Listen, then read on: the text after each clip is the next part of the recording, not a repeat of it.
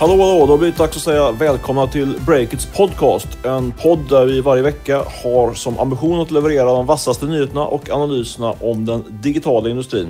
Eh, jag heter Stefan Rundell och gör den här podden tillsammans med min kollega och medgrundare Olle Aronsson. Är allt under kontroll, Olle?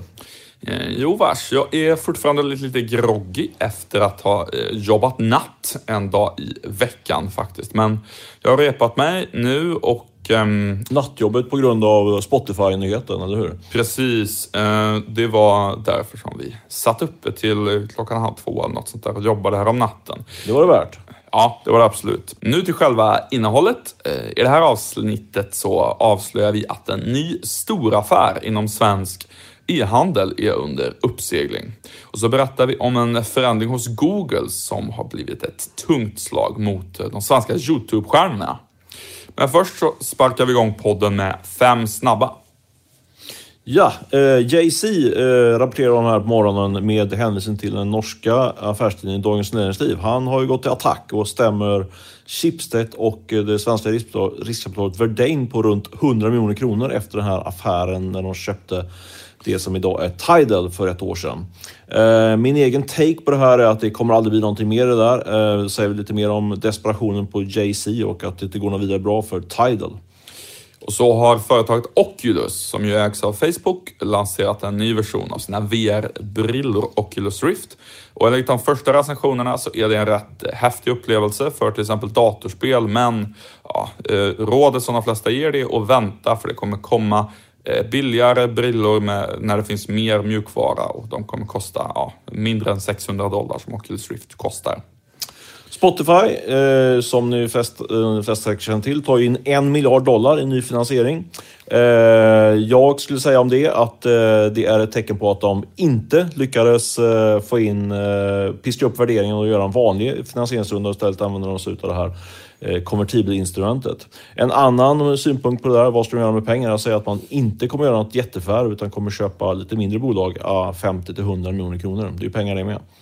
Yes, och Spotify-nyheten den avslöjades först av Wall Street Journal och en annan sak som de var först med att rapportera där på VSJ i veckan, det var att internetjätten Yahoo, de har satt eh, 11 april som deadline för att eh, komma in med bud på att köpa hela bolaget. Eh, och enligt Rico så ska då Microsoft ha erbjudit sig att hjälpa budgivarna med lån för att finansiera en sån affär. Recode, den amerikanska techsajten, precis. Eh, svenska techbolaget Nepa går till börsen. Det var någon, en svensk techsajt som avslöjade det här nu på morgonen, Breakit närmare bestämt. De ska ta in 75 miljoner kronor. Eh, det är ett spännande bolag. De har växt helt utan riskkapital och under eh, hygglig lönsamhet. Och nu ska de in i USA.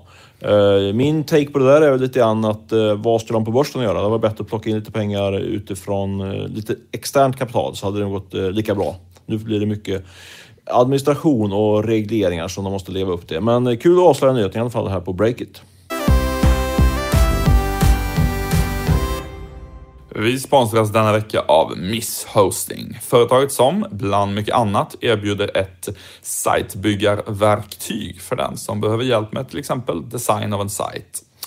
På så vis går det att bygga en enkel men snygg och proffsig sajt på fem minuter, utlovar eh, Miss Hosting. Det gör det möjligt att komma igång alltså snabbt och testa sin idé, vilket är ju det som många seniora entreprenörer rekommenderar att man ska göra. Exakt. Mindre snack, mer verkstad. Kör på och lansera bara och se vad som händer. Eh, och det här sajtbyggarverktyget med webbhotell och lite annat eh, smått och gott, det kostar bara 10 kronor i månaden som lägst. Och du drar inte på dig några högre startkostnader direkt. Tack så mycket Miss Hosting för att ni fortsätter att stötta oss. Stefan, nu har du en rätt tung e-handelsnyhet att avslöja här först i podden för lyssnarna. Det stämmer. Eh, det rör sig om eh, det digitala apoteket Apotea. Ett av de största apoteken på nätet. De har anlitat eh, banken SEB för att sälja en eh, minoritetspost i detta bolag på 10-20 procent ungefär ska säljas utav Apotea. Vad får man betala för den, den lilla posten? Ja, det är ganska mycket pengar och det gör det att den här nyheten också är generellt intressant för, för den svenska techvärlden skulle jag säga. Eh, mina källor säger att man vill ha ungefär två gånger försäljningen vilket är eh, dubbelt så mycket som man fick betalt för den här typen av bolag för sådär ett halvår sedan, ett år sedan. Så man, vill, man har en ganska så aggressiv eh, prissättningsstrategi på det där. Eh, vad innebär det då? Två gånger försäljningen? De, jo, de räknar med omsättning ungefär en miljard 2016. Så hela bolaget kommer alltså värderas till ungefär 2 miljarder kronor. Eh, och den här posten som ska säljas då kommer väl gå för någonstans 2 till 400 miljoner kronor om de lyckas, ska jag säga. Eh, för det här är väl ett, eh, ett sätt att utnyttja den väldigt fortfarande heta marknaden för, för eh, den här typen av bolag. Eh, och jag tror att de skulle kunna hitta en, en köpare till exempel i Skandia Liv som köpte en minoritetspost i Klarna för, för ett par månader sedan. De är ju ute och letar efter den här typen av, av eh, minoritetsposter. Men eh, ja, jag vet inte.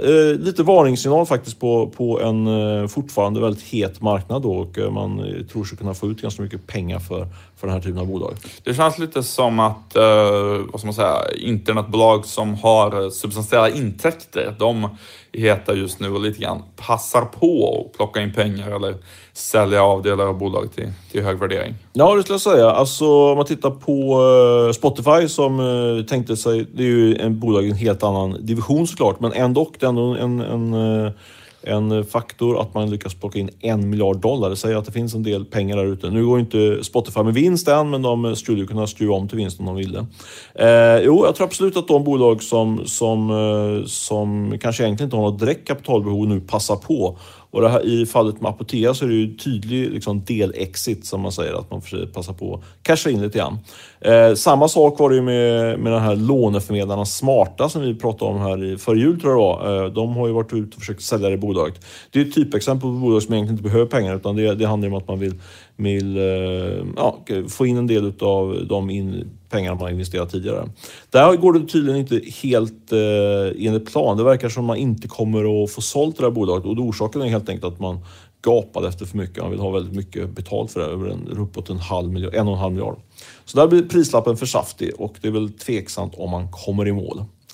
Men du, eh, riskkapital handlar ju det om i någon mån. Du hade ju en intressant sådan nyhet kring riskkapitalmarknaden, kring EQTs nya databas Motherbrain. Du kan väl berätta lite grann om vad, vad det var du skrev om här nu häromdagen? Ja, eh, det jag skrev om då, det var ju att Motherbrain, eh, ja det handlar om vad det är för någonting helt enkelt. EQT har ju varit ganska tystlåtna om det. Eh, nu så enligt källor till mig så är det så här att Motherbrain är ett verktyg som söker igenom massa datakällor på internet, typ eh, Comscore, Crunchbase, Twitter och så vidare och liksom försöka hitta startups som det är på väg att börja gå riktigt bra för, men att ingen riktigt har upptäckt det än. Eh, och eh, utöver de här datakällorna jag nämnde så jobbar Motherbrain dessutom ihop med ett holländskt företag som heter Byrå Van Dijk och som är Eh, som ägs av stor EQT, alltså inte EQT Ventures utan det är dess systerbolag, eh, det klassiska EQT som investerar i mer traditionella industribolag.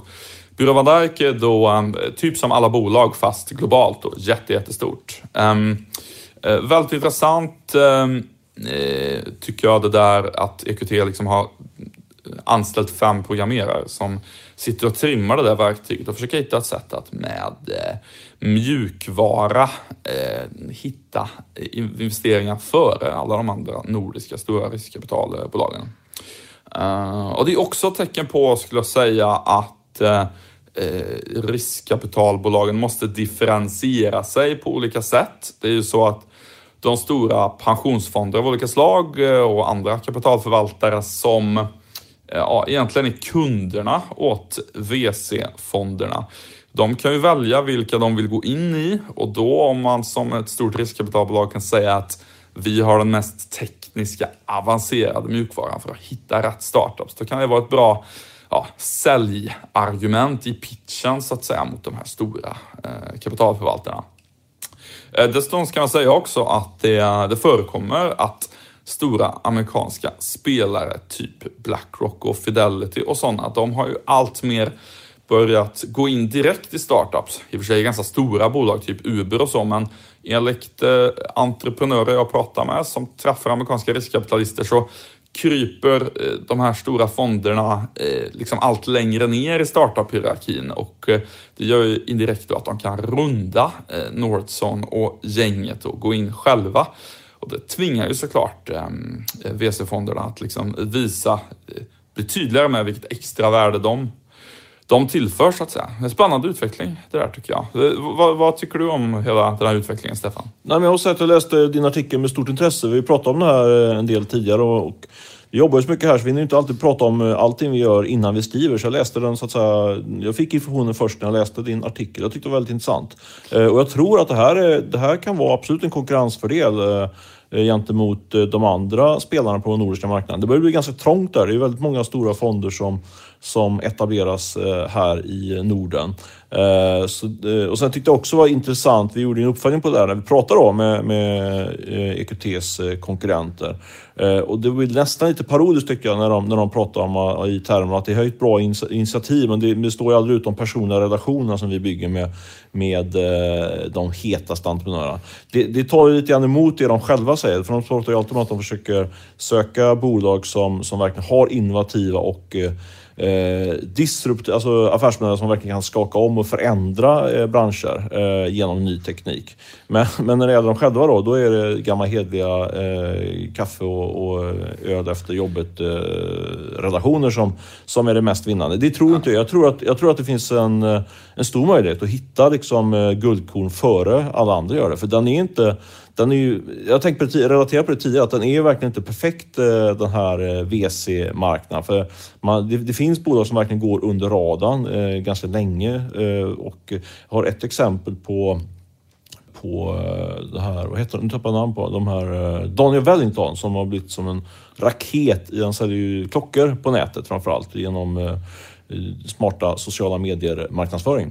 Det bolaget gick ju helt under, under radarn. Mycket beroende på att han drev det i handelsbolagsform och då missar, eh, missar ju de traditionella VC som skannar liksom eh, årsredovisningar och sånt. De missade det där, eh, att, att han hade explosiv utveckling. Jag vet att han hade ju inga påringningar alls egentligen från VC-firmor innan media uppmärksammade att det gick bra. Så, ja, verkligen. Det, ja. det är extremt intressant att tycker att just att um, argumentationen när riskkapitalist investerar i till exempel ett teknikbolag som ska effektivisera och digitalisera, säg försäljning. Då får man ju hela tiden argumentationen att det här kommer att automatiseras om det är ja, programmatic inom eh, annonser kommer att ta andelar gentemot eh, vanlig traditionell försäljning där man tar kaffemöten och så. Eh, det är ju precis samma sak eh, som, som i det här fallet med mjukvara som utmanar riskkapitalisternas egen affärsmodell så att säga. Precis. Uh, ja, vi får följa det där. Ekot har ju fortfarande inte lanserat sin fond än. Det är väl en av de mest uh, största offentliga hemligheterna i, i, uh, i alla fall här i Stockholms, på, i Stockholms techscen. Men uh, vi följer EQT Venture, en spännande ny spelare och det här känns ju väldigt innovativt och intressant. Denna vecka sponsras vi återigen av Vi Interactive, bolaget som hjälper e-handlare att öka försäljningen genom smart optimering av sajten. Ja, de agerar ju lite grann som en duktig säljare i en gammal traditionell fysisk butik. Eh, deras mjukvara identifierar vilka kunder som har tappat bort sig på sajten och inte hittat rätt produkt eller helt enkelt inte hittat kassan. Och då rättar de till de felen. Precis, och som vi har sagt tidigare så är ju en stor fördel för e-handlare att det är väldigt låg risk att börja använda Vi Interactives tjänster eftersom de är helt prestationsbaserade. Precis, det är bara när de verkligen ökar försäljningen för dig som kund som du får betala. Exakt, och om du tror att det här kan vara någonting för dig så gå in på Vi Interactives sajt. De heter alltså VE Interactive med enkel V eh, i början. Gå in på deras sajt och signa upp ditt intresse så ser de över hur du kan öka din försäljning online. Tack VE Interactive för att ni fortsätter att sponsra oss. Då ska vi prata om Youtube och en väldigt betydande förändring inom annonsförsäljningen där. Den här förändringen har lite grann i det tysta eh, seglat upp på marknaden, men den får väldigt stora följder för en massa svenska sociala medier-profiler som eh, har intäkter från Youtube. Stefan, vad är det som har hänt? Ja, det här är ju lite tekniskt men väldigt intressant för en, en, kanske den hetaste, hetaste gruppen av människor på, i den digitala medievärlden. De så kallade Youtubers eller social, sociala medieprofilerna. Eh, så här är det. Eh, det var så att vid årsskiftet så, så kastade mer eller mindre Youtube ut de fristående säljbolagen från sin annonsbörs Adex. Eh, tidigare har då stora säljbolag kunnat koppla upp sina egna system mot det här, eh, den här annonsbörsen Adex. Eh, och den vägen då har kunnat sälja en massa reklam via eh, Youtube, alltså Youtube-reklam då. Eh, nu har eh, Google och Youtube, då, Google äger Youtube, eh, tagit ett strategiskt eh, beslut att eh, nu ska man ta hand om den här försäljningen helt och hållet själv.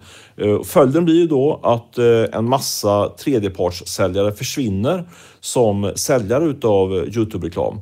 Vilket får jobbiga följder för ja, till exempel eller de här sociala mediestjärnorna som, som förlitar sig på försäljningen utav Youtube-reklam bland annat via de här tredjepartsaktörerna. Det låter som ett dråpslag måste man säga mot branschen. Ja, det är väl att ta i, men det är, det är ett tungt, tungt bakslag så att säga. För, för, ska jag addera till där, så det, det som sker egentligen i praktiken, dels att, eh, att det är liksom färre då som, som försöker kränga de här Youtube-annonserna. Eh, och samtidigt då så ser vi ju att utbudet av eh, Youtube-klipp eh, formligen exploderar på Youtube. Så man kan säga att kontentan är att det typ har utbudet dubblats utav visningar så man kan sälja annonsvisningar och sen är det kanske hälften eller i alla fall en betydande andel mindre säljare. Eh, och det blir såklart en riktigt dålig ekvation för alla Youtube-profiler som försöker leva på annonser. Så om man bara ska förenkla lite grann kan man säga att konkurrensen på Youtube har ökat för att det kommer ut allt fler klipp. Samtidigt så är det färre som jobbar med att sälja de här videoexponeringarna till annonsörer. Helt korrekt sammanfattat och eh, källor som jag har pratat med uppskattar att intäkterna från de här mer traditionella videoannonserna har gått ned med ja, 25-30 procent sedan årsskiftet. Så det, det, är ett substantiellt eh, intäktsbortfall här då för för både eh, Youtube-stjärnorna men också då eh, de här Youtube-nätverken till exempel Splay och eh, United Screens då, United Influencers som är det tredje stora, stora spelaren på den här marknaden. Eh, samtidigt som man vill då, för jag nyansera det här då, eh, potentiella dråpslaget, eh, så är ju eh, de här Youtube-nätverkens pitch då mot sina, sina kunder som är i, i praktiken de här sociala mediestjärnorna eh, är ju att eh, man säljer in en massa andra typer av samarbete än, än vanliga traditionella videoannonser. Till exempel ja, olika former av produktplacering och sånt. Då. Och den delen av den här marknaden fortsätter ju att växa. Då. Eh, så det är i någon mån så Eh, kompenserar det för det här andra raset i intäkterna.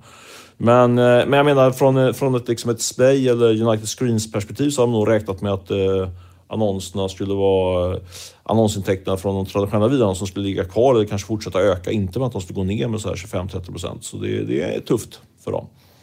Du, eh, Youtube-stjärnorna själva då? I, I, vilken mån har de eh, liksom uppmärksammats på det här?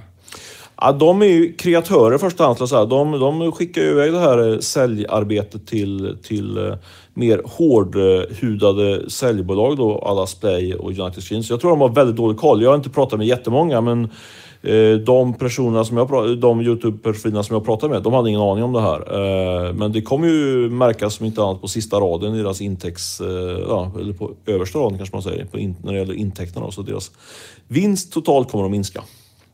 Du, eh, väldigt spännande utveckling. Det ska bli intressant att höra vad, mm, YouTube, eh, vad Google, som, de är på väg att få en ny eh, Sverigechef eh, nu, vad, vad hon har att säga om det, hur det där liksom påverkar relationen med Youtube-branschen i Sverige. Hon, hon tillträder här nu ganska snart, eh, tror jag. Eh, du, det är väl dags att runda av den här podden, men innan vi gör det så vill jag ge en liten inblick i livet som tech-reporter. Jag har nämligen hittat en alldeles ny närmast oslagbar metod för att hitta nyheter, Stefan. Vet du vad det är för någonting? Nej, det vet jag inte och det är inte så att jag bara säger det för att jag ska försöka spela lite nyfiken här utan det har du smugit in i vårt manus utan, utan min vetskap. Berätta nu, hur, hur, ska jag, hur ska jag förändra eller förbättra mitt liv som techreporter? Jo, eh, det är så här att um, det finns en metod som alltid funkar och det är att när man åker röd linje i Stockholms tunnelbana, som jag gör varje morgon, så kollar man eh, vilka det är som annonserar. Och för det mesta så är det typ tandläkare och sånt som gör det, men ibland så är det startups som annonserar i tunnelbanan. Jaha, okej. ja. Ja, det, det förekommer att tandläkare annonserar. Nej, men ibland är det startups. Ja. Och då är det alltid, utan undantag så, att Aggregate Media har investerat i de startupsen. Det stämde med Fellow, det stämde med Consector och i morse så såg jag eh, en annons från ett företag som heter Plick, eh, som jag tror sysslar med lite det som Sellpy gör, alltså hjälper folk sälja dina gamla kläder och så eh, på internet. Eh, Jag gick in på Bolagsverket och kollade och givetvis hade Aggregate investerat i dem. Underbart. Och Aggregate, för att säga, de har ju... det? De ägs av Bonnier va? Så de har massa annonsutrymme. Nej, det är, inte, det är inte det är NFT Ventures du tänker på som Bonniers du investerar i. Aggregate är, de är fristående på något sätt. Jag tror att de, de är experter på att ehm, eh, liksom, eh, hantera medieutrymme och marknadsföring och eh, det är en del liksom, media for equity i, i dealarna men de ägs inte av någon mediekoncern. Liksom. Okej, jag tror faktiskt att de tidigare i alla fall har haft någon, någon, form av Bonnier-koppling. Men det där får vi reda ut efter den här podden har spelats in. Ja, men det gör vi absolut. Och, och mitt råd om man vill... De brukar vara lite småhemliga med sina investeringar i Aggregate. Och mitt råd om ni vill att vi på breaket inte ska upptäcka det är att sluta annonsera på röd linje i Stockholms tunnelbana. För då kommer jag alltid upptäcka det. Så har det varit hittills. Bra tips, bra tips där. Det tar vi till oss. Eh, vi, alla vi techreportrar och även andra som kan vara intresserade av att gräva i vad, vad, vilka som fått eh, nya investeringar. Yes, eh, tänk på det. Eh, Nu ska vi avsluta detta avsnitt och det ska vi göra med att tacka Beppo ljudproduktion som spelade in det här på länk och dessutom klippte avsnittet. Annars så vill jag uppmana er innan vi slutar att signa upp er på vårt nyhetsbrev som har fått en ny elegant design. Gör det så hörs vi nästa vecka. Hej då! Hej då!